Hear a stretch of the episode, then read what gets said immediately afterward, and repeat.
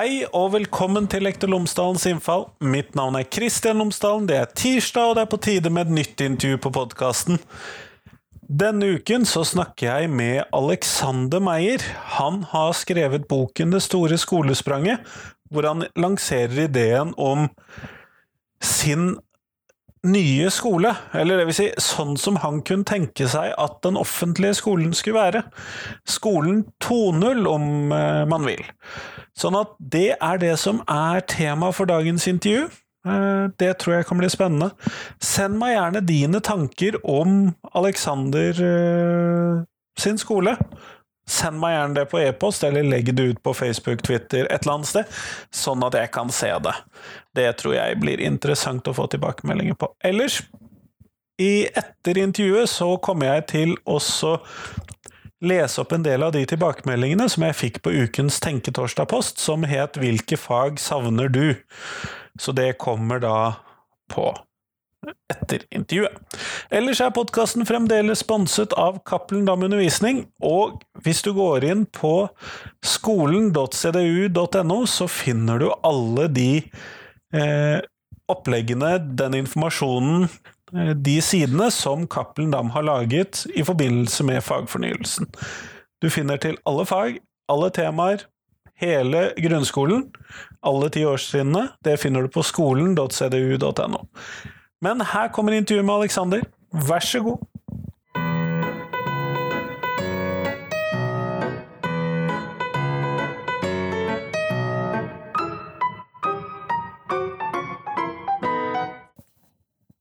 Alexander Meyer, tusen takk for at du har tatt deg tid til meg i dag. Veldig kjekt. Jeg er glad for å få lov å komme her. Før vi starter selve intervjuet, så vil jeg gjerne at du forteller lytterne mine tre ting om deg selv, sånn at de kan bli litt bedre kjent med deg. Ja, tre ting. Det, nei, altså det første som jeg tenker på, er vel eh, Nå bor jeg i Valdres, da, og da blir jeg bergenser. Sånn er det. Valdres der er det litt, litt stillere og litt roligere, så da, da får jeg nok litt av den der bergensrollen. Man er aldri så bergenser som når man ikke er i Bergen. Det er akkurat noe med det. Og så i hvert fall når man er i Valdres, for da blir man veldig Jeg tror nok jeg ble en ganske kjapt en tydelig stemme i lærerkretser der, fordi jeg er vant til å si min mening, og, og, og så er det kanskje, jeg fikk jeg litt mer rom enn det jeg var vant til da. Når bergenserne puster, så er det nestemann sin tur til å snakke, men i Valdres så har de en litt annen, en litt annen tid når det gjelder det også. Å, å snakke sammen. Så nei, jeg opplevde at jeg fikk veldig mye rom og veldig hyggelig.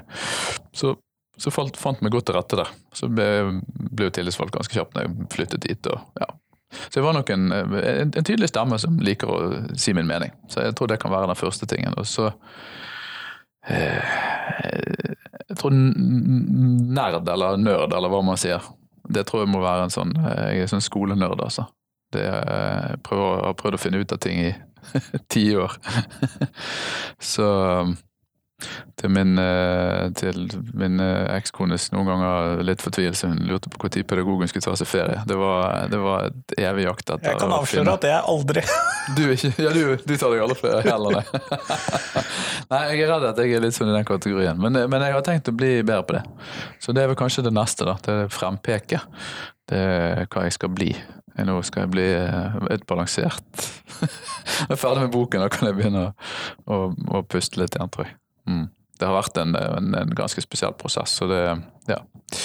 Så da Nei, vi, vi kan jo si balansert er liksom det neste, da. Det er det som kommer. Mm. Kjempeflott. Eh, du har jo da, som du sier, du har gjort ferdig en bok, eh, et prosjekt. Mm. Skolen 2.0 jeg tror jeg er merkelappen du har puttet på det. Ja, det, altså, Boken heter jo 'Det store skolespranget', men, men akkurat den modellen som jeg skisserer, det er jo, altså dette er jo et forsvar for fellesskolen. Fordi jeg ser at fellesskolen er under press i mange sammenhenger. Både i forhold til kommersialisering, men også i forhold til altså, når, når, når, byer som Oslo blir veldig delt, så vil også skolene bli veldig delt. og Det ser man jo også, at, at fritt skolevalg skaper delte byer. Og, og, Man ser det også litt i forhold til barne- og ungdomsskoler med, med at folk, altså etnisk norske flytter fra Jeg er jo veldig tilhenger av at vi mikses og blandes og er sammen og snakker sammen. Det er jo den offentlige dialogen og sånn. Men jeg ser at den har noen den er utfordret på mange måter.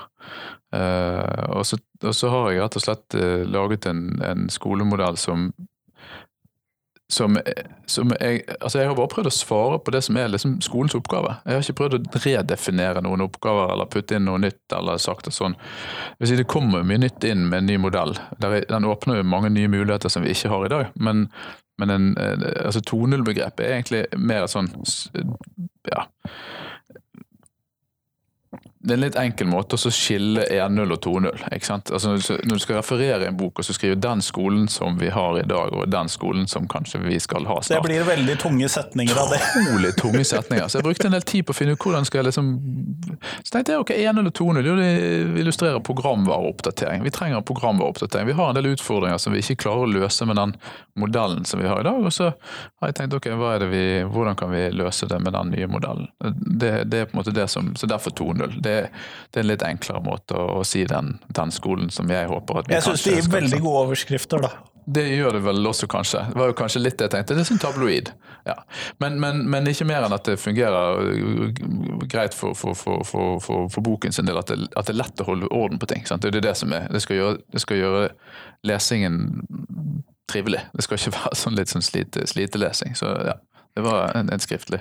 Men hvis vi da, fordi at du har sagt det, fellesskolen under press, eh, hvilke andre utfordringer er det som gjør at vi trenger denne programvareoppdateringen? da? Ja, altså, jeg har jo på en måte jeg har, jeg har, jeg har beskrevet skolen som vi har i dag. Ikke gjennom sånn hva jeg syns om det. Sånn. det, det jeg tenker vi, vi, har jo en skole som er eh, som har en del utfordringer. Så det er mer sånn jeg er opptatt av det i stort. Jeg er ikke opptatt av klasserommet. Um, altså, Det partikulære klasserommet er ikke det som jeg nødvendigvis syns er det mest interessante. Um, fordi der vil det være veldig veldig stor variasjon. Men skolen er stordrift. Altså, vi driver masseforvaltning både av lærere og barn og eh, sant, av støttefunksjoner og alt mulig. Så, så min tanke er vel at, at, jeg har prøvd å se på det masseforvaltningsperspektivet. Uh, mer enn Og så selvfølgelig hvordan virker det i klasserommet?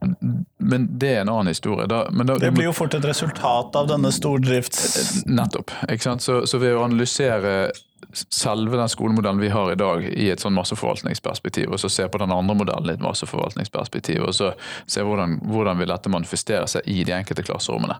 Så, så kan man jo lettere forstå det. Men, men, det vi ser i dag, er at et gjennomsnittlig klasserom, som selvfølgelig ikke er et representativt klasserom, det er viktig. For 20 elever med én lærer er ikke representative. Det vil de aldri bli. Så hvert enkelt klasserom har sine unike utfordringer og kan ikke underlegges reglene for masseforvaltning. Men samtidig må de det. Det, liksom denne, det, oppstår en del krasj eh, i forhold til hva folk syns er fornuftig å gjøre individuelt, men som da ikke vil fungere i et masseforvaltningsperspektiv. Så Med en gang man skal lære ting opp, så ser det helt annerledes ut. Og Det, det jeg har sett litt på hvordan klasserommet fungerer i dag, i forhold til uroutfordringer. Og da snakker vi om forskning på uro, og, og vi snakker om eh, sånn atferdsproblemer og, og, og, overprestasjon, stress eh, Altså, skolen, skolen plages av en del bivirkninger.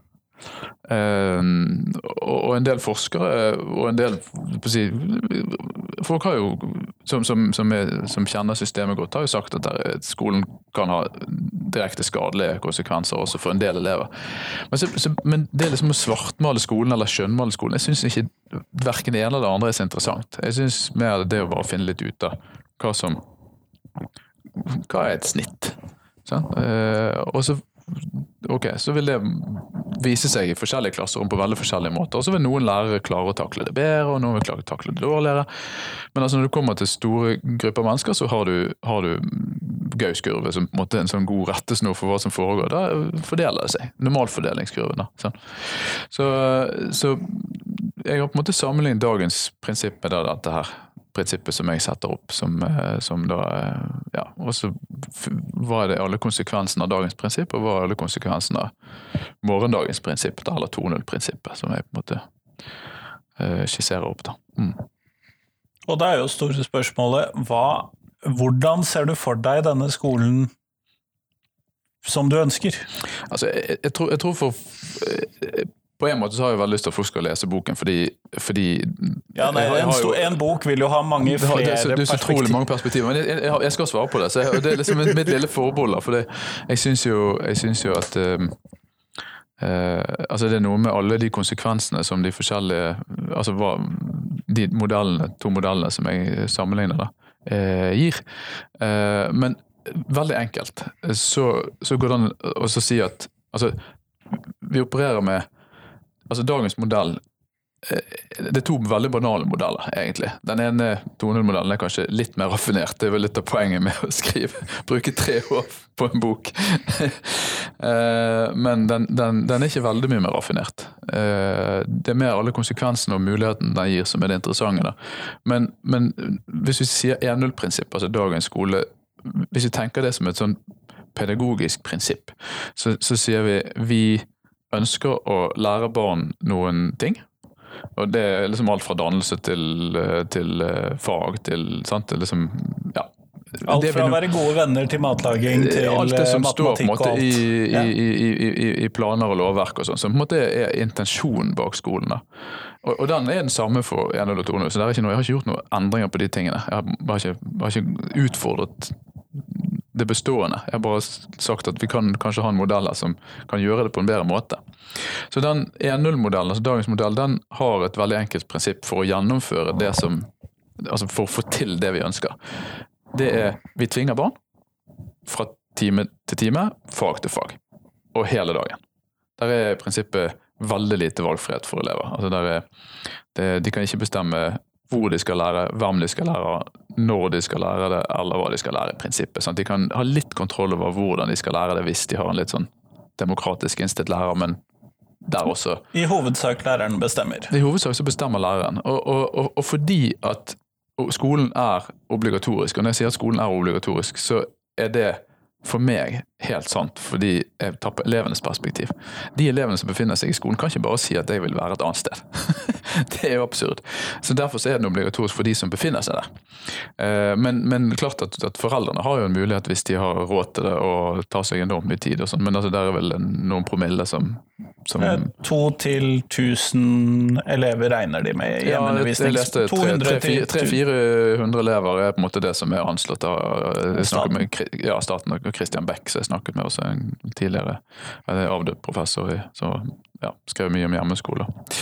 Um, men, men det er i hvert fall et veldig marginalt fenomen, så da tenker jeg da, da er skolen de facto obligatorisk. Um, og, og den obligatorikken fører til at um, og, og som sagt, jeg, jeg bare konstaterer det. Ikke noe sånn at jeg er motstander av det, for det, toneskolen er også obligatorisk. Uh, men jeg kommer tilbake til hvordan den er det, for det er det som er clouet.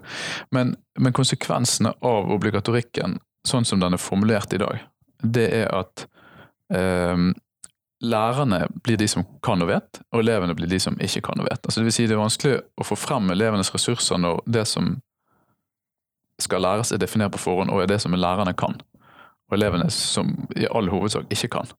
Eh, og så skal de på en litt sånn lekende og spennende måte finne ut av det på egen hånd. Nei. Det er læreren som må fortelle, og det er elevene som må lytte. Så tenker jeg det, det er ikke noe dårlig opplegg. Problemet oppstår i det øyeblikket tvangen er total. Da vil du få mennesker som blir kontrære til den tvangen.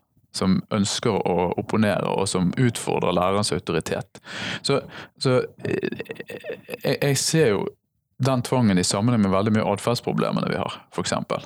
Um, og, og, og, så, og så har jo ikke lærerne autoritet til å gjennomføre dette tvangsmandatet i særlig stor grad. Vi har jo, vi har jo ikke lenger spanskrør. Og ikke sier jeg at vi skal ha det heller, men Tidligere så hadde læreren formell myndighet til å straffe elever for å gjennomføre det obligatoriske mandatet. Det har vi ikke i dag.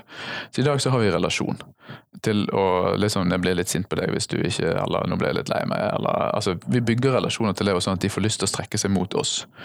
Uh, og jeg tenker det, det er en helt riktig, og det, det skal vi fortsatt gjøre. Uh, men, men vi mangler virkemidler til å klare å gjennomføre det obligatoriske mandatet, sånn at vi unngår alle disiplinproblemene og all uroen. Og vi får elever som er så kontrære og som oppfører seg så apart i timene. Dette er ut fra forskning, hvis du bare ser på antall elever som sant, Både i forhold til mobbetall og i forhold til Altså, vi har vansker med å stoppe elever som, som ikke vet å te seg, for å si det på godt bergensk. Eh, og, og, og, da får vi ikke heller lært i den obligatoriske leksen. For jeg tenker det ligger noen veldig verdifulle ting i det å liksom eh, Do as the master say.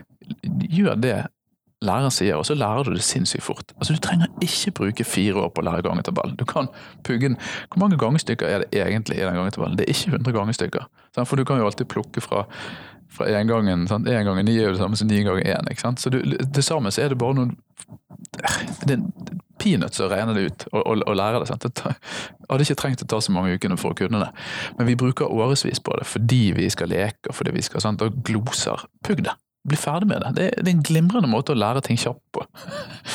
Så der, der ligger noen, sånne noen, mer overordnede perspektiver som jeg tenker vi går glipp av, så lenge ikke vi får gjennomført obligatorikken på den litt sånn strenge, gode, gammeldagse måten. Eh, men som jeg ikke har lyst til at vi skal gå tilbake til tvangen. Så det er på en måte Mitt utgangspunkt er at jeg bare spurt meg sjøl hva, hva fører den tvangen til? Og så har jeg spurt går det an å omformulere den tvangen. Så jeg sa hva er det foreldre gjør?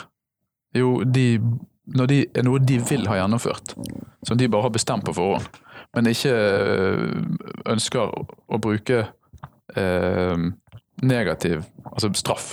Negativ belønning, eller hva si, straff nå, nå sier jeg feil. hvis jeg sier Negative negativ sanksjoner? Negative sanksjoner var det jeg mente å si. Så, så, um, så kan de si hvis du gjør det først, så får du det etterpå. Altså spis eh, maten din, så får du dessert etterpå, eller rydd rommet ditt, så skal du få gå på kino, eller Altså du, du sier utsett belønningen så skal du få noe godt etterpå. Du må bare jobbe litt hardt først. Eh, og Det er en sånn type økologi som, som, man kan etablere i en familie fordi man har reelle belønningsmuligheter. Men så har jeg spurt meg sånn, hva er det vi som lærere kan belønne med i et klasserom? For en del elever så er det fint lite. Klasserommet er veldig lite på den måten at det er vidt forskjellige interesser og eh, ønsker og behov. Eh, altså har du blitt kjent med ett barn, så kanskje du tror du kan noe med barn. Og så blir du kjent med to barn, og så skjønner du at du må bli kjent med hvert eneste barn. Helt på sin unike måte. Og Sånn er det jo med 20 barn i en klasse eller ungdommer. Sant? at De må behandles veldig individuelt, og du har veldig veldig forskjellige behov. Så hvert, hver klasse har sitt unike fingeravtrykk, tenker jeg. Eh, så det å belønne innenfor den rammen er veldig veldig vanskelig. Det er sånn hangman på slutten av timen, eller en YouTube-video hvis dere jobber litt skikkelig nå, eller altså Men det er litt sånn det er ikke nok til å få eleven til å strekke seg. Du kan ikke holde den tilbake heller, for den er stort sett alltid kollektiv. Sånn at hvis dere jobber bra nå, så skal dere få sånn og sånn. Men jeg ønsker jo å kunne si til unger vet du, nå har du gått over streken. Nå er det du som må ta konsekvensen, ikke resten av klassen. De har jobbet bra, de. Sånn at du på en eller annen måte får eh, belønnet de som faktisk gjør en skikkelig innsats, og så kan du si til de som ikke gjør det, vet du hva, jeg har autoritet. Og du får ikke lov til å holde på sånn som dette. Men i dag, hvis det er elever som bryter for mye med, med oss, så går de eh, så må vi snakke med foreldrene. Sant? Så da er det litt sånn Om ikke foreldrene kan ta fra de, fra de iPaden når de kommer hjem, liksom. Jeg har jo hørt flere sånne historier fra lærere som har fortalt at det er sånn de har løst det. Eh, men da er jo vi veldig avhengig av den foreldre skoleøkologien som, foreldre, som, som, også er veldig problematisk. For vi blir møtt av mistenksomme foreldre hver gang vi stiller krav. Eh, I hvert fall til en del elever. Sant? De, de, er genuint mistenksomme til mennesker som stiller krav til sine egne barn. Det er akkurat sånn at deres barn kan gjøre noe galt. Eller. Så tenker jeg det er jo ting som jeg har fått sjøl, og som jeg tror de fleste lærere eh, har erfart i forskjellig grad. Det er den, den, den mistenksomheten. Altså, det, blir litt, det blir litt springende dette, kanskje, men litt sånn tilbake til den disiplinen. Eh, når, altså, det å straffe barn med en linjal eller en stokk for å ikke ha pugget på en toppidans uh, lille katekisme, det har vi skjønt at er absurd. Rett og slett. Og, og det, det, fordi det er absurd. uh, og Derfor så kan vi ikke straffe. Derfor så har på en måte straffen blitt tatt, tatt fra lærerne. fordi, fordi den, altså Vi godtar at politiet skal ha straffemetoder, og dommere skal ha mulighet til å fengsle. Sant? Og vi, vi har barnevernssosionomer som, som uh, har myndighet til, til enormt inngripende uh, tvangstiltak i samfunnet. Uh, uten at det avstedkommer den mistenksomheten som lærerne blir utsatt for. Da. Og jeg tenker Det har litt med det mandatet vårt å gjøre at du, du kan aldri forsvare ett eneste fag og så straffe barn med å slå dem eller, eller, på en eller annen måte utsette dem for krenkelser da, fordi at ikke de ville lære seg Ibsen eller fordi de ikke ville lære seg gangetabellen. Det, det blir alltid absurd. Men, men, for meg så er det, det er et underliggende budskap som vi dermed går glipp av. Det er liksom ta deg sammen, skjerp deg, vær litt ålreit. Altså, still opp for dine klassekamerater og sånn. Altså, vi har ikke mulighet til å sette krav der det trengs. Men, men, så sier jeg ok, men hva hvis vi innfører den økologien i klasserommet som foreldrene har med sine barn? Eller som vi da må ha med foreldrene, men som krever enormt mye både tid og overtalelse og, og, og fingerspitzgefühl for å få det til å fungere. da. Eh, sånn som det er i dag. Men hva hvis vi overtar den? Eh, økologien. da, At vi har noe å belønne elevene som de virkelig vil ha, og som gjør at vi kan strekke dem eh, lenger. Og Så var det at jeg eh, begynte å utforske den tanken med å dele skolen i to ved å si at elevene kan gjøre, altså at vi lærere hjelper eleven til å finne ut av hva de har lyst til å gjøre etter klokken tolv. Så fra tolv til tre det en litt utvidet skoledag, ikke mer enn en halvtime. eller Det kommer litt an på hvor du bor i landet, og avhengig av busselskapet du har, hvor, hvor de elevene blir hentet. og sånn. Jeg bor jo i et sånt bussfylke. Sant? Det er jo, er jo i, i, Innlandet hvor det er store avstander, så der er det jo litt lengre skoledager. Men øh, øh, det å ha en, en, eh, en, skoledag som er delt, hvor da lærerne kan si eh, nå, er, nå er dagen din klokken tolv. Nå har du hatt en god innsats. Altså, men hva skal de da gjøre før tolv? Det er jo kanskje Det kommer jeg til. Så, men, til. Men, men, belønningen er på en måte den Altså, det er bare for, for å skape den økologien. Og Belønningen er at, at, at, skolen blir en ungdomsklubb eller en fritidsklubb eller en barnehage, alt avhengig av alderstrinnet, hvor vi kan møte elevene der de er, på sine premisser. Og så kan vi liksom hjelpe dem til det som de virkelig syns er spennende. Og Når du har en skole med la oss si 200 elever da, og, og, og 35 ansatte voksne mennesker som kan åpne en masse dører for elevene i forhold til det ting som de er interessert i. Høres ut som en utforskningsarena, da, hvis jeg skal bruke en floskelgenerator her, ja. for denne biten ja. etter tolv. Ja. Det, det, kan vi liksom oppsummere med kort, og så, så kan jeg gå heller komme litt tilbake til den etter hvert. For den er demokratistyrt. Ikke sant? Og det er jo også for altså, Hva er det som betyr noe for å utvikle demokratiske stemmer? Jo, det er at deres stemme betyr noe. Hva betyr elevenes stemme i dagens skole? Hvor mye demokratisk spillerom har vi? Hvor mye kan vi gi dem mulighet til å bestemme over? Det er liksom basketstativ eller fotballstativ, eller sånne fotballnett. Sånn. Eh, det, det, det, er ørsmå detaljer som egentlig ikke har noe særlig betydning for, for hverdagen. Vi vet alle sammen som har deltatt i forskjellige demokratiske sammenhenger, at hvis du er medlem av, av et, et, eller annet råd som ikke har noe selvs myndighet, så det er ingen som gidder å med. Det har noe med at man må ha reell innflytelse å gjøre.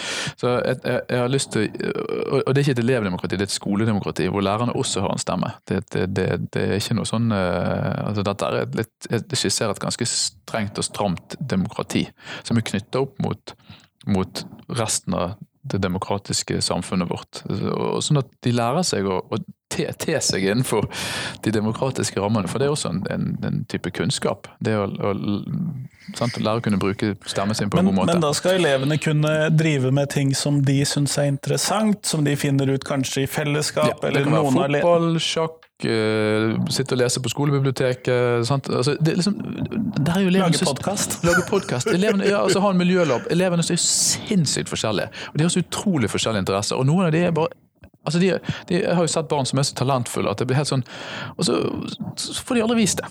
Så. Og, og, når du har vokst Jeg har jo også bodd Nå har jeg bodd noen år i jeg er jo en sånn kommune med, med mye med sånn landbruks, eh, landbrukskommune, og der er jo flere elevene som tilknyttet gårder og sånn. Eh, de kan så utrolig masse som de aldri får vist, og, de, og, og jeg ser jo at de langsomt utvikler en forakt for det der boklige. Fordi de ser at det er en, en, ganske liten del av det som trengs. Sant? De er med å lage mat. Det er bare sånn, sant? De er med på lamming, og de er med på sant? De steller i fjøs, og de, er med på, på, å kjøre traktor fra de er ti, og de, de, får ansvar som de ikke er i nærheten av å få i skolen. Sant? Det, er sånn, det er et gap mellom den, det livet de er med å mekke og hjelper til på. Sant?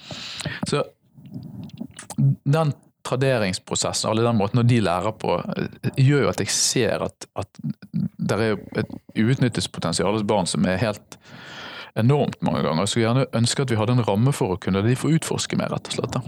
Og så er det noe med lokal tilknytning du kan invitere mer inn, inn, fra.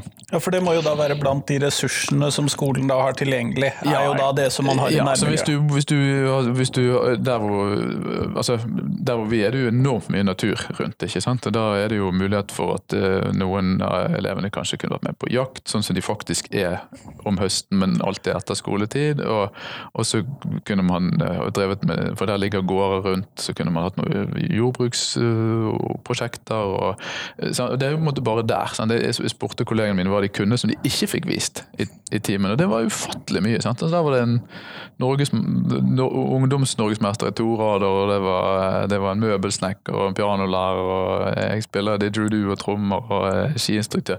Altså, det, det, var så mye som vi aldri fikk vist. Det var en håndballtrener, og det var en som har spilt toppnivå på det var virkelig masse, da.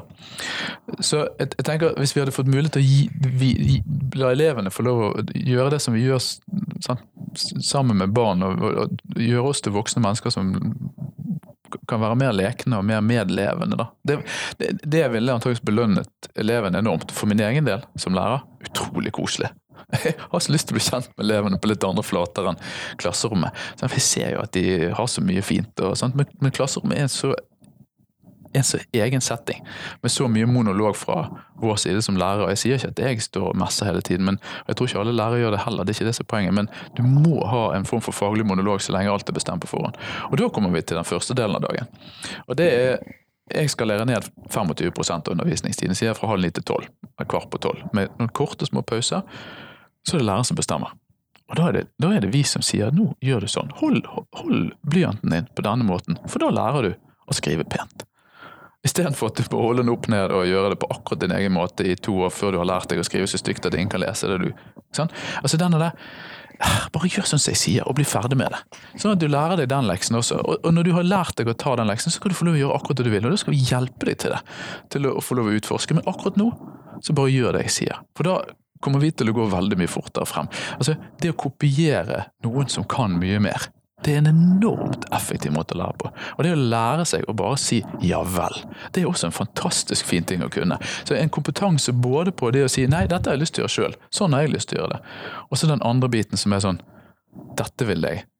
Dette vil jeg at du skal lære deg. Og, og, og, og hvis jeg ønsker at de skal utforske sjøl, så er det ikke sånn at lærerne skal være sånn dominante og sånn. Det er ikke det som er poenget. Men når jeg ser at det er nødvendig at pugg de ti glosene der, bare bli ferdig med det. Ikke diskuter med meg. Og så gjør de det. Fordi at de vet at hvis de ikke gjør det, så har ikke de hatt den innsatsen som de faktisk forventet av det. Det er en sånn type oppstramming da, som gjør at de få elevene som Altså i dag så har du, Hvis du har én sånn røver i klassen, så har du plutselig fem som spiller opp til den røveren hele tiden. Fordi de har så mange insentiver for å gjøre akkurat det. Jeg kaller det vedbæreboken. Um, de som hiver ved på bålet. Uh, og, og, og, og, de vil du kunne isolere. For vet du hva? Jeg så at du drev på og, fyrte opp under her. Sorry, er det ikke, dette er ikke den innsatsen jeg forventer. Jeg forventer at du skal bidra til at det er konsentrasjon og ro i klasserommet. Fordi det er faktisk den måten vi klarer å få frem eh, den kunnskapen som ligger innenfor det obligatoriske mandatet. Så, så lærer disse disiplin. Og så lærer seg konsentrasjon. Jeg tenker sånn nevrologisk hva elevene altså bare, For alle de som ikke har sittet på TikTok en halvtime gjør det. så skjønner du hva det gjør med hjernen. altså. Du blir til grøt. Går, jeg blir helt sjøsyk av det. Så tenker jeg elever som sitter med dette her i fire timer dagen når de kommer hjem. Altså, eh, eh, Det må jo gjøre enormt mye med nevrologien til de ungene. Det er jeg helt overbevist om, i forhold til det med konsentrasjon og oppmerksomhetsspenn. Og det å da ha en skole som faktisk er i stand til å strekke elever på konsentrasjon, og få det til å gjøre et dagsarbeid ordentlig. Men når klokken er tolv, så er de fleste slitne uansett. Så da er vi liksom litt ferdig. Og så sier vi ok, innsatsen til dun, dun, dun, dun, dun, den var god. Du ble sittende ti minutter lenger fordi du drev og forstyrret de andre i sted. Da får du markert at du trenger ikke liksom straffe dem med å holde dem inne resten av dagen. Og dessuten så er det ikke en straff. Det er veldig viktig. Det, det er liksom lett å tenke seg at de skal få en straff ved å bli sittende. Nei. Det er en konsekvens Det er en av konsekvens av at de ikke har god nok innsats, og, og, og innsatsen og, og den belønningen de får etter klokken tolv, det er ikke noe de har rett på. Det er noe de får som en konsekvens av god innsats. Og Da får læreren tilbake en type maktmiddel i klasserommet som gjør at vi er i stand til å så Altså Det er en formalisering av den makten som systemet allikevel har påført elevene. Vi har jo laget det som Espen Schaning, han filosofiprofessoren, kaller for dagfengselet. Vi har et sted hvor vi, hvor vi tvinger barn til å være hver dag, om de vil eller ikke. Og, så tenker jeg, men Når vi først har bestemt oss for at de skal være her, og vi skal tvinge dem, så må vi jo lære dem noter og ikke unoter. Så, så det å la elever få lov å øve seg til idioter, det er ikke jeg noen tilhenger. Og jeg ser at det er faktisk en del elever som dessverre havner eh, i underprestasjonskategorien, fordi at de bare finner på tull, og de har mye større insentiver for å, for å, um, å provosere i timen eller lage tull fordi at de kjeder seg og fordi at de ønsker å ha det moro. Så de er veldig kreative, men de ødelegger for undervisningen. Så tenker jeg sånn, eh, Hvis vi får disiplin og ro i 75% av altså halv ni til tolv, men med kompakte små pauser. Bare nok til å liksom holde, holde seg flytende. Frem til tolv. Kvart på tolv. Så, så vil eh, Dette er jo mitt primære forslag, det kan jo justeres og diskuteres selvfølgelig. altså Dette er jo bare en, et forslag. Men, men jeg tenker den 50-50-delingen er viktig, for dette forteller elevene om at vår tid er viktig, og din tid er viktig. Og, og, ditt liv er så viktig at vi ønsker at du skal utforske det på Det egen hånd. blir noe mer enn den hangman på slutten av timen. Ja, det er veldig mye mer det, hvis du, hvis du, hvis du får en lidenskap for sjakk. Altså, jeg ønsker at elever skal utvikle lidenskap. Og, og, og hvis du møter elever som bare sitter og henger i gangene i tre år, så har du mulighet til å sette deg ned med dem og prate litt med dem, finne ut hvorfor de faktisk henger der. Og et, hvorfor ikke de kommer inn i et spor hvor de faktisk trives. Kanskje de trenger det, fordi at de altså, jeg har snakket med kolleger som liksom lurer på hvor alle disse de, vet, altså de leser statistikker om barn som blir utsatt for overgrep, og barn som har alkoholiserte foreldre, og barn som har ditt og datt. Og så sier de sånn ja, men jeg har jo hatt så mange elever, jeg har ikke liksom møtt så mange av de elevene. Jeg har jo knapt hørt noe om det, liksom. De har ikke fortalt hvem de var. Så tenker jeg, men altså, hvis du er elev, så skal du da, etter at alle de andre elevene har gått ut av timen, så skal du stoppe læreren på vei ut, som du vet antageligvis er travel, fordi at vi har jo travle hverdager. Det, skal, det har vi. Så hvis de har et snev av sosial teft, så har de allerede sett at vi er på vei ut, vi òg. Men så må de stoppe oss, og så må de si sånn du, kan, du, kan jeg få snakke litt med deg? Og så skal de fortelle om noe av det mest private inne i et klasserom ti minutter før det ringer, og de vet at læreren kanskje ikke har tid til å snakke akkurat da. Så det, nei, det er ikke noe rart at elever ikke åpner seg. Jeg, jeg, ville tenkt at det ville være rart hvis de gjør det, og det er jo kanskje det statistikken forteller oss, at elever har vanskelig for å formidle seg til lærere, ikke fordi vi ikke er ålreite, men fordi settingen ikke er så lett. Så, og ute i et friminutt så har vi inspeksjon. Sånn. Altså da skal vi ha oversikt over et større geografisk område, og vi skal passe på at barna er sånn relativt trygge og ikke slår hverandre i hodet med en spade eller har et tau så de binder hverandre opp i treet eller et eller annet. Altså, det er alltid et eller annet som finner sånn. men, men, men, det går på liksom Det går ikke på de der å jobbe dypt med, med vennskapsrelasjoner og med, med, sosiale ting som sånn. så, Og konfliktløsning er mye lettere å gjøre i en friere setting tenker jeg. Altså Hvor du kan samle folk fra forskjellige klassetrinn. Det er ofte dette er konflikter på tvers av klasser. Det, det, er jo veldig vanskelig å gjøre i dag. Sant? Det krever en stor grad av planlegging og logistikk. Så det er veldig mange ting som, som, som motsier at vi Altså, det er mange bremser på den veldig stringente måten å tolke det obligatoriske, da, sant? med at du skal ha faste timer, og elevene skal alltid ha undervisning. og det gjør det hele veldig mye mer komplisert for oss. Så, så, så da har jeg på en måte rett og slett gjennomanalysert skolens mandat og oppgave gjennom de to. Og så tenker jeg at vi faglig vil komme mye sterkere ut, og jeg tenker at vi også menneskelig vil komme mye sterkere ut. Fordi vi er i stand til å møte elever på, flat, på to flater som, som er distinkt forskjellige. Den ene er disiplin og orden og struktur og sånn. Jeg tenker det er en veldig vesentlig del av, av, av livet. Altså, det kommer jo an på perspektivet man tar, men vi har en kropp. Noen vil jo oppfatte det som en type tvang. Sant? Noen gjør det til en stor glede og til en, til en sånn, utforsker liksom hvor mye de klarer å trene eller sprette opp og ned og ta salto og sånn, mens andre de bare oppfatter det som et ork. Sånn, Med spiseforstyrrelser og Fordi kropp blir tvang. Eh, så bare der ligger det en, en tvang helt naturlig iboende i tilværelsen som vi alle må forholde oss til. Jeg tenker at Det er ikke noe galt om å måtte lære seg å forholde seg til, til tvang. Du må tømme oppvaskmaskinen, du må vaske kroppen din, du må ta vare på deg sjøl. Det er mye ting vi må gjøre som vi har lite valg på, i hvert fall. Ja, ikke sant? Så kan man jo oppfatte tvangen i det, man kan oppfatte friheten i det. Så tenker jeg sånn, Men du må gjøre det likevel. Og så er det litt det samme med det vi må lære oss. Dette er det du må lære deg. Så det er på en måte den obligatoriske leksen jeg ønsker å få frem også. fordi i dag så er det en kamp mellom frihet og tvang som er sånn at det er liksom, I dag så er det jo liksom læreren som, som skal få tildelt den autonomien da, til å til å tolke dette tvangsmandatet. Altså det er på en måte Utdanningsforbundet sin, eller lærerorganisasjonene sitt, sitt mantra det hele tiden å gi lærerne størst mulig spillerom for å, å tolke det. Nettopp fordi at hver enkelt klasse vil ha forskjellige behov innenfor den tvangen.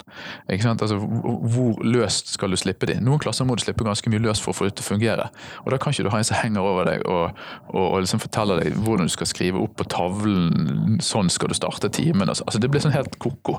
Mens andre, andre, andre, klasser, og kanskje til og med noen lærere også, trenger den strukturen. ikke? Så, så jeg bare sier, men stram opp på den ene siden og løs opp på den andre siden. Og Da får du, eh, da får du den polariteten som livet uansett inneholder. Altså, Frihet og tvang er uløselig knyttet sammen, men det er to veldig forskjellige ting. Det... Men du tenker at vi klarer også å putte inn alt det vi har i skolen i dag, inn i Eller i hvert fall mesteparten av det vi har i skolen i dag, av ting som elevene skal lære seg, inn på disse tre timene istedenfor fire eller fem timer. Ja, det er jeg helt overbevist om. Det, det, altså, de som er ekstremt talentfulle øh, innenfor et eller annet fag og er veldig glad i det, vil jo ha mulighet til å kunne sitte og dyrke det. Fordi, altså, hvis, hvis, jeg er mattelærer og får en elev som er tre-fire år foran snitt og sitter bare og har lyst til å fortsette i matteboka og bare kjøre på, så kan de gjøre det mellom tolv og tre. Jeg vil kunne hjelpe det en gang i uken eller to sånn, med litt sånn innstikk. Og hvis de har noen spørsmål, så kan de bare komme full fart bort og spørre to minutter, og så får de fått svar. Og det er jo, det er jo nettopp der jeg som lærer også har en lidenskap for det jeg underviser i. Ikke alle ting, men mange ting syns jeg er utrolig tilfredsstillende. For jeg tenker at dette kan du bruke til noen ting en gang. Altså sånn, eh, og, og, og, men ikke til de elevene som absolutt ikke vil ha det. Denne tvangsfòringen er jo ikke noe gøy. Så jeg har lyst til å lære ting til elever som jeg vet at de trenger. Og er det én ting jeg vet at de trenger, så er det disiplin. Jeg vet at de trenger det. Og hvis det er et overordnet mål, så er det å tydeliggjøre det budskapet og gjøre det spissere. Det er faktisk ingen dum ting, så lenge jeg samtidig kan si at jeg støtter elevene i sin utfordring nei, i, i, sin frihetsutforskning. Sant? At de har mulighet til å, å utforske mer hvem de er sjøl. Altså for meg er det litt sånn nøkkelen i en lås. Eh, samfunnet rundt oss, vi må kjenne det og kunne det, og så må vi også kjenne oss sjøl. Kjenn deg selv er liksom et mantra for så mange eh, sant? Leser man historien om hva folk har sagt var viktig, så er det, er det utrolig viktig. Nettopp fordi at vi er et redskap. Og vi er genuint forskjellige. Vi er ikke make til hverandre. Så jeg kan ikke bruke din oppskrift, jeg må finne min egen oppskrift. Og det er litt sånn jeg tenker at det eh, er spennende å hjelpe eleven til også. Sant? Er de hvordan er ditt møte med verden, på en måte. Så, så, så begge deler. Og, og, når det mandatet blir annerledes og mer tydelig, så tror jeg det blir mye lettere å formidle det til foreldre, f.eks. For eksempel, altså den mistenkeliggjøringen vi har i dag. Eh, jeg ble spurt, av, eh, ble spurt av en lærer som, som sånn, ja, men vil samfunnet godta at lærerne får mer makt? da? Så, og det har jeg fått noen ganger, det, var den siste, siste noe jeg eh, svarte på på Facebook. Men jeg, jeg har fått det før. Uh, og stort sett av lærere. Og det er akkurat som en sånn mistenkeliggjøring av læreres makt og myndighet som andre uh, yrkesgrupper ikke blir utsatt for. Og da, og da tenker jeg at da må jo det være noe med det mandatet vårt som er, er litt, litt uforståelig. Hvis ikke så hadde jo folk godtatt at vi brukte tvang. Eh, men det gjør de ikke. Ikke i det hele tatt. Altså, nå er jo selv den minste krenkelse kan jo resultere i, en katastrofe for læreren. Og Da tenker jeg, da er, det, da er, det, et eller annet med den måten tvangen formidles på i dagens uh, skole som, uh, som er vanskelig å forstå. Og så, og, men, men altså, jeg tror jo ikke det blir, blir noe problem. da. Det er også svaret på det spørsmålet. Da. Jeg tenker tvert om. En lærer som holder tilbake alle elevene sine hele tiden, vil bli hele målet med en belønning er jo nettopp at den skal være mulig å oppnå. Så tilpasset opplæring handler om at du skal strekke elevene til neste steg. Altså, vi har Vygotsky inne i ryggmargen hvor vi snakker om stillaser og alt mulig sant, på lærerhøgskolen. Vel, altså hvis en, en, elev ikke er i stand til å ta en instruksjon eller skjønne, skjønne eh, konsekvenser, vel, så er det jo akkurat det de skal lære seg. Da er det det neste steg. Så Da er det jo det å lære seg konsekvenser. Så Da får de små konsekvenser, men de må kunne gjennomføres. Og dette er jo konsekvenser som vi faktisk kan gjennomføre. Og hvis det da er en lærer som misbruker denne ordningen, så vil den læreren bli veldig synlig. For enten må de passe på de ungene sjøl og gi undervisning, mens det sånn, eller så må de overlate det til noen andre. Så det er jo, det er jo en Vi ønsker jo ikke det. Vi ønsker at elevene skal ut videre etter tolv. Og få lov til å utnytte sin fritid på skolen? Ja, selvfølgelig. Det er jo det, det, er jo det som er målet med hele modellen. For den, den, delen er jo like viktig. Den er ikke noe mindre viktig enn en, en fagene. Jeg tenker de, de er veldig komplementære, og da, da, skal de tillegges like mye vekt. Men, men, men den første delen Altså, Barn er eh, av natur hedonister, og tenker det skal de jaggu få lov til å være. De, de, liker å ha det gøy og leke og finne på tull og tøys og ha det moro. Men når vi allerede har bestemt på forhånd hva de skal gjøre, og de ikke syns det er så gøy, vel, så må, vi, så må, vi, kunne gi dem noe som virkelig strekker det litt. Og hvis de da ikke lar seg strekke, så er det jo også et symptom på noe som vi må finne ut av hvorfor er sånn. For dette er aller, aller fleste barn. De har jo forferdelig lyst til å leke. Og ungdom òg. De har lyst til å sitte med vennene sine og sånn. Og det å bli, bli, bli holdt ute fra den, det fellesskapet Hvis barn syns at det er greit, da er det all grunn til å være oppmerksom på å hjelpe den ungen. Så jeg tenker da får vi funnet en, enda flere vi kan hjelpe. Og Det er også skolens mål. Det er også å oppdage og, og på en måte finne ut av hvilke elever vi faktisk har. Og I dag så er det jo vanskelig å finne elever altså se, Prøv å se forskjellen på en elev som har blitt hengende etter fordi at de er dønn umotivert. Som tilsynelatende har faglige lærings... altså De får en eller annen sånn læringsproblemdiagnose. Sånn?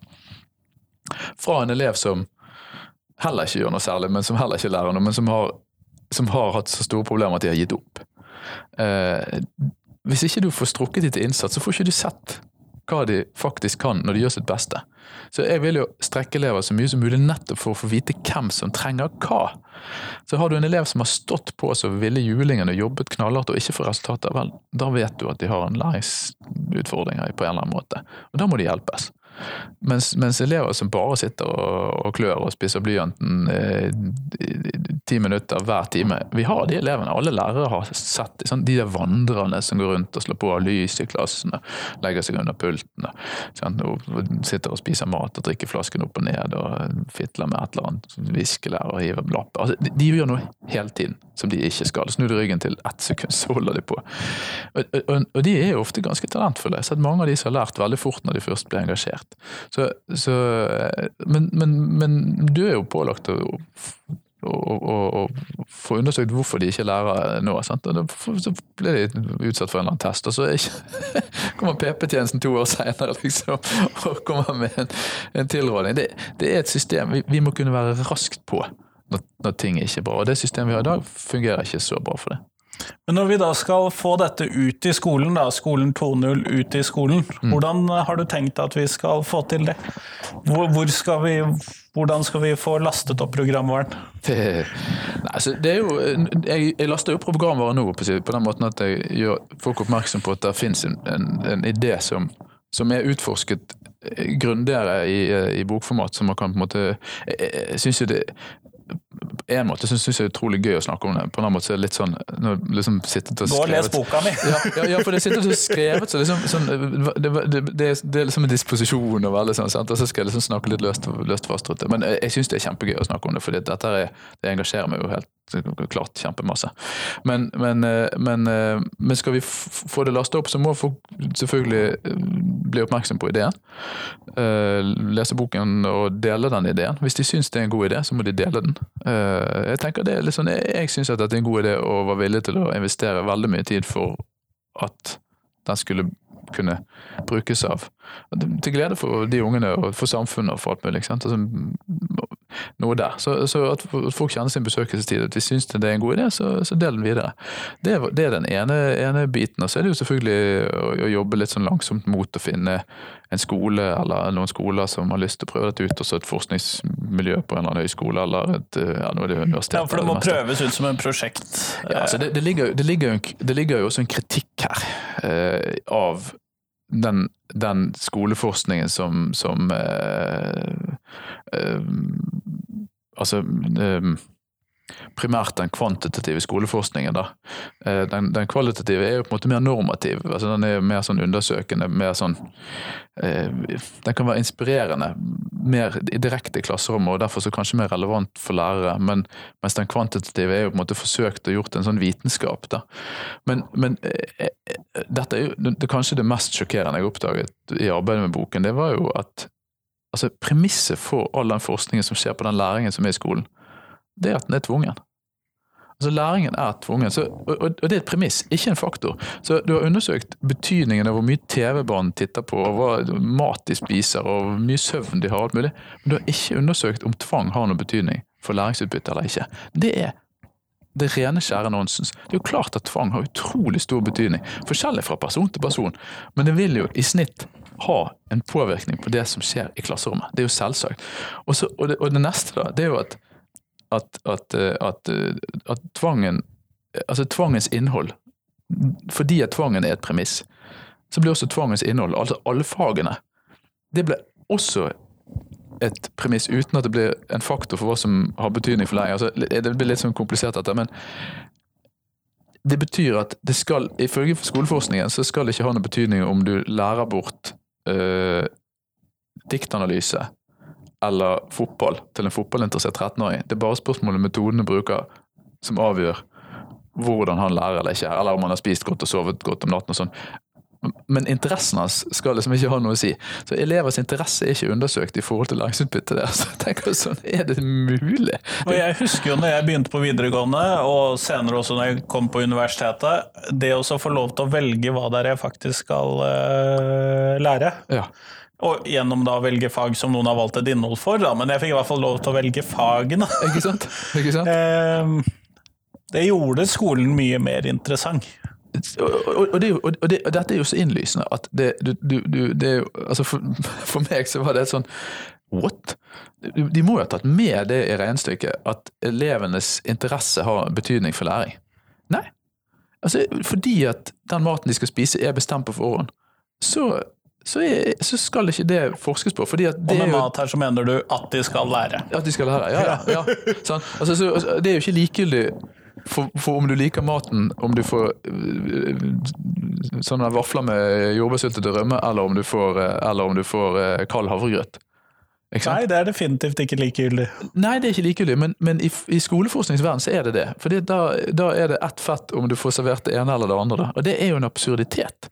Altså, det, det, jo, det er så langt fra den læringen som vi vet av det som er av betydning. Og det vi ser jo at når barn Jeg har en kamerat av meg som er kulturskolerektor og har vært dirigent på toppnivå for korps og sånn i en årrekke. Altså, han, han har jobbet med masse, masse musikkelever. Uh, og, og, og hans, uh, hans definisjon av talent et talentfullt barn, det er et engasjert, interessert barn. Han sier det er ikke grenser for hvor gode de blir hvis de virkelig er interessert i det de holder på med. Og det- det, er litt sånn min erfaring også. Det kan jo hende at, at det, det vil jeg tro det er en korrelasjon mellom interesse og talent også, men, men for meg så er det altså jeg har hørt om Det var en pianolærer som jeg snakket med som hadde hatt en elev som ikke hørte forskjellen på lyse og mørke toner da han begynte. Og da var hun sånn ti. Men så var hun så gira på å lære å spille at hun faktisk ble god å spille piano. Tenker sånn, Hjernen er enormt plastisk. Eh, Alle kan ikke bli fantastiske. Sant? Alle blir ikke Arthur Rubinstein eller Picasso eller en eller annen fantastisk, men de kan bli veldig gode hvis de øver. Men det har med interesse å gjøre. Og så Som om interesse ikke skulle være av betydning for læringsutbytte, det er, det er bare tull. Selvfølgelig.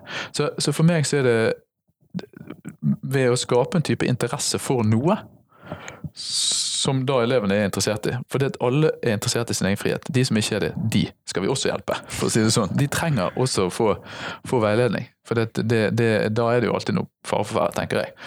Men sånn alle i gåsehudene, barn, er så glad i sin frihet og holder på med ting de liker, at de er villige til å underkaste seg et, et, et obligatorisk eh. Regime først. Regime først. Og, og, og, og, og, så tenker jeg, hvis de da først dedikerer seg til det, det er jo det som skjer igjen og igjen når jeg ser elever virkelig komme inn i det. Så kommer de i flyt.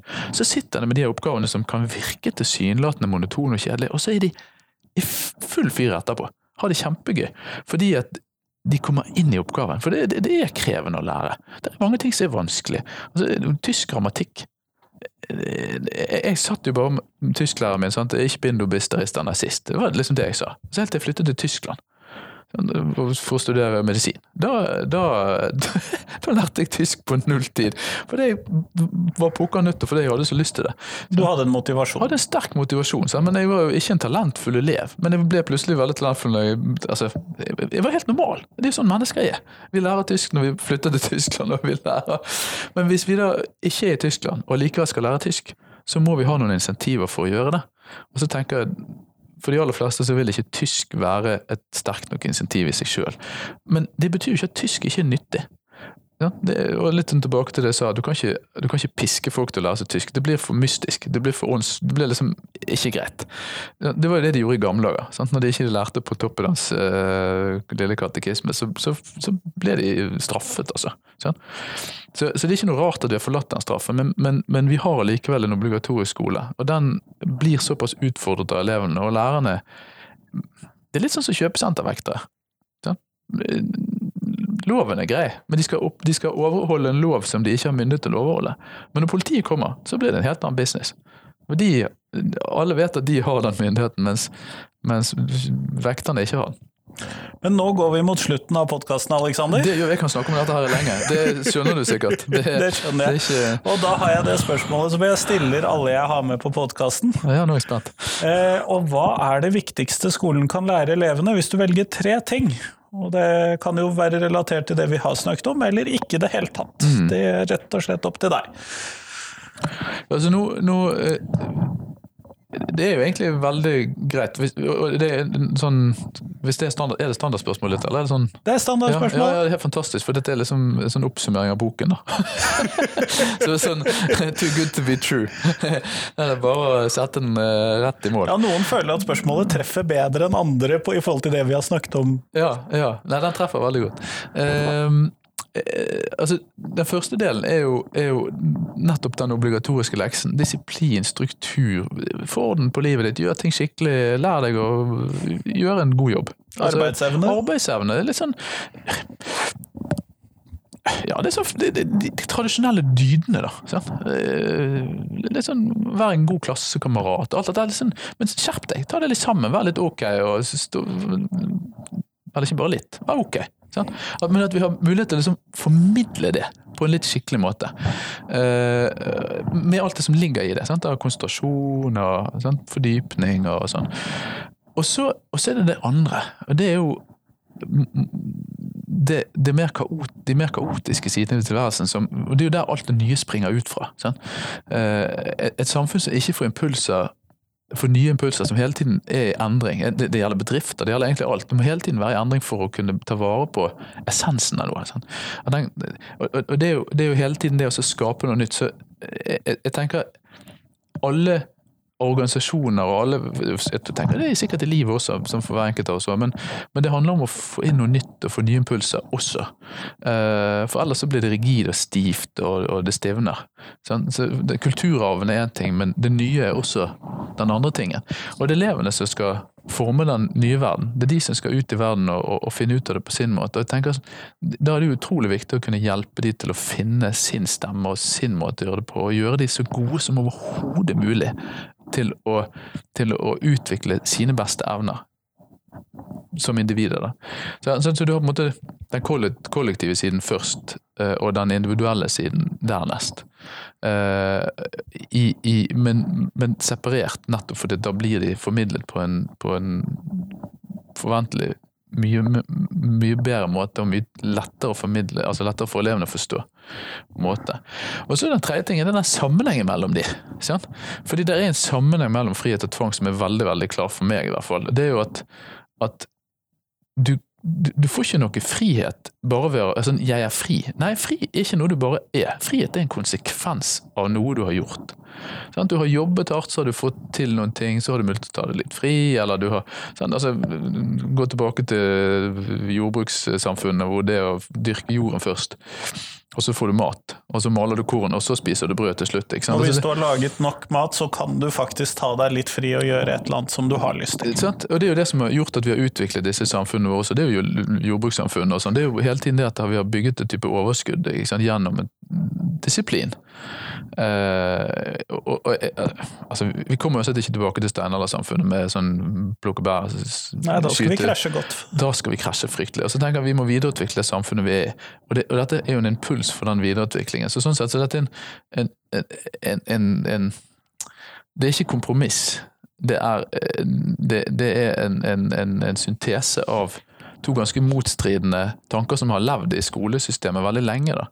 Eh, Med at man trenger mer disiplin, man trenger å få litt sånn orden på ting og få ned uroproblemene og sånn. Og så er det den andre vi trenger å møte elevene på deres premisser. Vi må være mer fri og vi må være mer lekne og sånn. Jeg vil ha både leken, men på ordentlig. Og jeg vil ha disiplin skikkelig.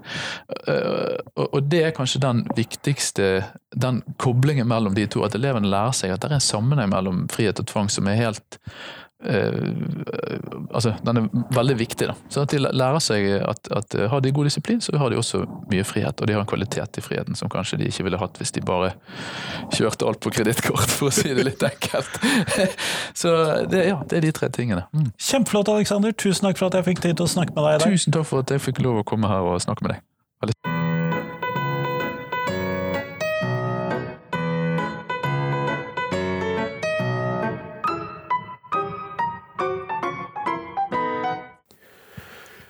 Tusen takk til Aleksander, og tusen takk til deg som hørte på. Nå er det noen dager til neste podkastintervju. Det kommer et nytt intervju på torsdag eller fredag. Jeg har ikke helt bestemt meg for når. Det kommer litt an på en intervjuplan som jeg ikke vil avsløre helt ennå. Men det kommer torsdag eller fredag. Uansett, fordi at jeg har et intervju som ligger klart. jeg har ganske mange intervjuer som ligger klart, men, eh, så jeg har ett nå for fredag, uansett om den intervjuplanen slår til eller ikke. Men jeg lovet å lese opp ukens Tenketorsdag-respons, og i på torsdag som var, vil si den 29. oktober, så postet jeg på Facebook, Twitter, Instagram og på diverse Facebook-grupper et spørsmål om hvilke fag savner du, og dette har eksplodert litt. Så inne på Facebook-siden til Lektor Lomsdalen så kom William Hocking med at han vil ha klubbfaget. Altså sjakk, skoleavis, e-sport, revy og andre slike aktiviteter som elevene selv styrer presumptivt. Eventuelt som lærerne legger opp til, men som elevene velger mellom, vil jeg tro. Mona Hansen snakker om læring og læringsteknikker og programmering på ungdomsskolenivå som sitt fag. Elin Osa vil ha tegnspråk i skolen. Solveig Nyborg hun kommer med følgende, og da vil jeg gjerne sitere, så det følgende er sitat. At elever på første trinn får en systematisk undervisning av viktige grunnleggende og tverrfaglige analysebegreper, og innføre analytisk tenkning som sjette grunnleggende ferdighet. Man har kommet et stykke på vei hvor vi vil implementere algoritmisk tenkning i matematikkfaget, men analytisk tenkning hører hjemme i alle fag. Grunnleggende begreper og analytiske ferdigheter er ikke noe man er født med, det må læres. Per nå overlates det til tilfeldighetene om og i hvilken grad elevene får anledning til å lære dette. Samtidig forventes at slike begreper og ferdigheter skal tas i utstrakt bruk i de mange læringsstrategiene for å oppnå dybdelæring. Sitat slutt. Inne på Skolefolk, eh, som er en Facebook-gruppe, så kom Mariann Larsen med O-fag, og Kine Marstein Trede Pedersen kom med filosofi, filosofi for barn som sine fag de ønsket. Ellers inne på Politisk ungdom, og her har jeg funnet ut at det kan være ganske gøy å poste disse Tenketorsdag-postene mine. Så sier Mathias Hamre Sveen at han ønsker seg et eh, fag som allerede finnes. Og etter at han tok et årsstudium i personlig trening, slo det han hvor sjukt lite vi lærte av 13 år med gym. Og jeg siterer 'Gjør sånn, løp dit, gjør sånn, bli sliten, neste gang gjør vi sånn'. Som PT ser jeg folk trene feil hele tiden, og det er egentlig veldig synd at man må ta egne utdannelser for å kunne skjønne hvordan maskineriet du er bygd opp av, fungerer.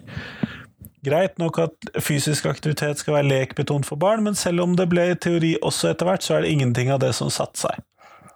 Føler ikke vi lærte noe som helst om hvordan kroppen er bygd opp, hvordan den fungerer, ulike treningsprinsipper osv.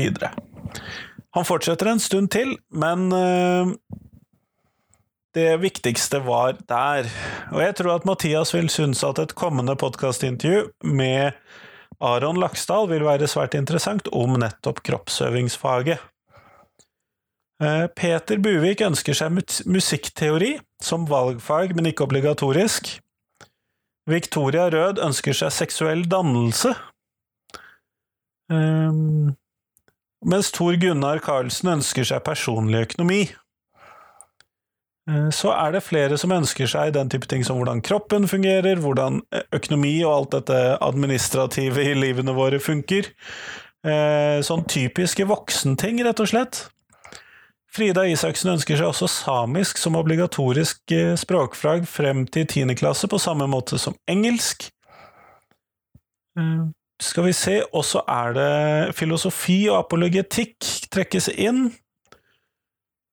Og eh, logikk, koding og kreativ skriving. Så dette var fra ungdommene selv. Inne på skoleledelse for fremtiden, som også er en Facebook-gruppe som er interessant, så kommer Ingeborg Sebu Oluka med Kunst og håndverk i sløydsalen og på symaskinrommet synes det blir altfor mye teori og for mye tegning. Elevene trenger å erfare å jobbe praktisk med hendene, ulike materialer og ulike teknikker. Så det er interessant. Inne på eh, arbeidstidsforhandlingene, som er en av de større gruppene for lærere, og det vet jo helt sikkert dere som eh, hører på fra før av, så er det veldig mange som trekker fram sløyd og savner det, men også O-faget trekkes fram her. Men også spesifikke ting som metallsløyd og uh, programmering eh, som trekkes fram. Ellers Roar Ingjerd ønsker seg på studiespesialiserende i videregående at vi, filosofi skulle blitt et fellesfag, for det mangler. Eller så er det skolekjøkken, vaktmestertimen, grundigere historiefag, eh, sang, eh, gjenbruk og mange andre interessante eh, fagvalg som folk savner. Samtidig så er det også Lene Victoria Sønnevisen trekker fram at det hun savner, er nok ressurser til de ulike fagene, fordi at det er der hun opplever at det skorter mest, antagelig der.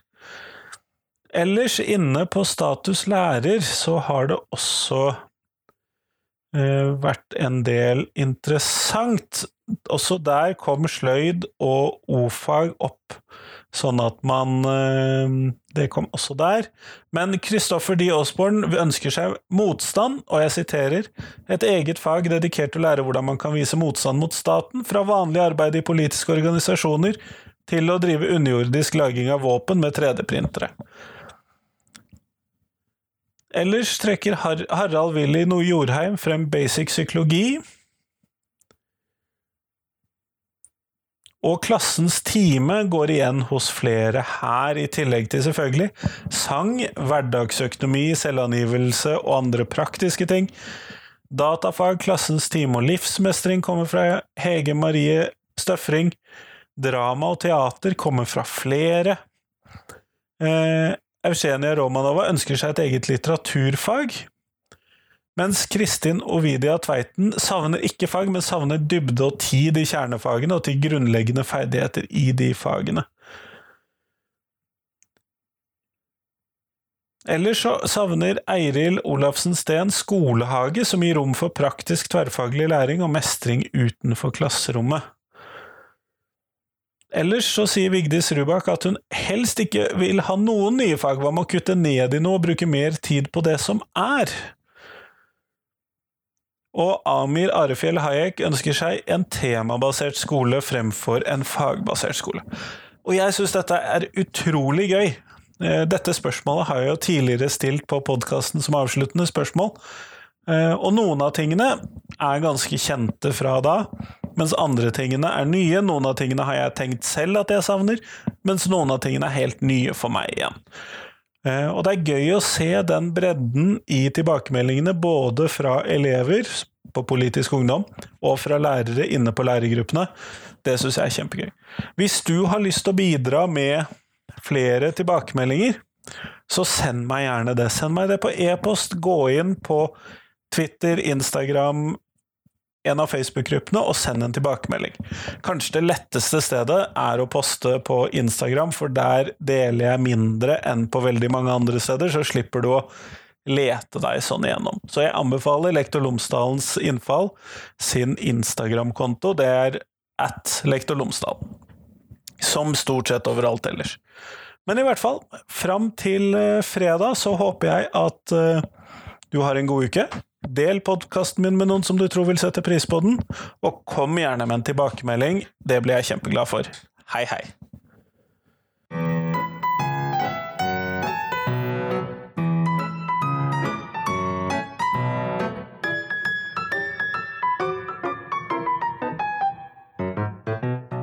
Jeg trenger tips ikke bare om mennesker jeg skal intervjue, men også om temaene jeg skal intervjue folk om.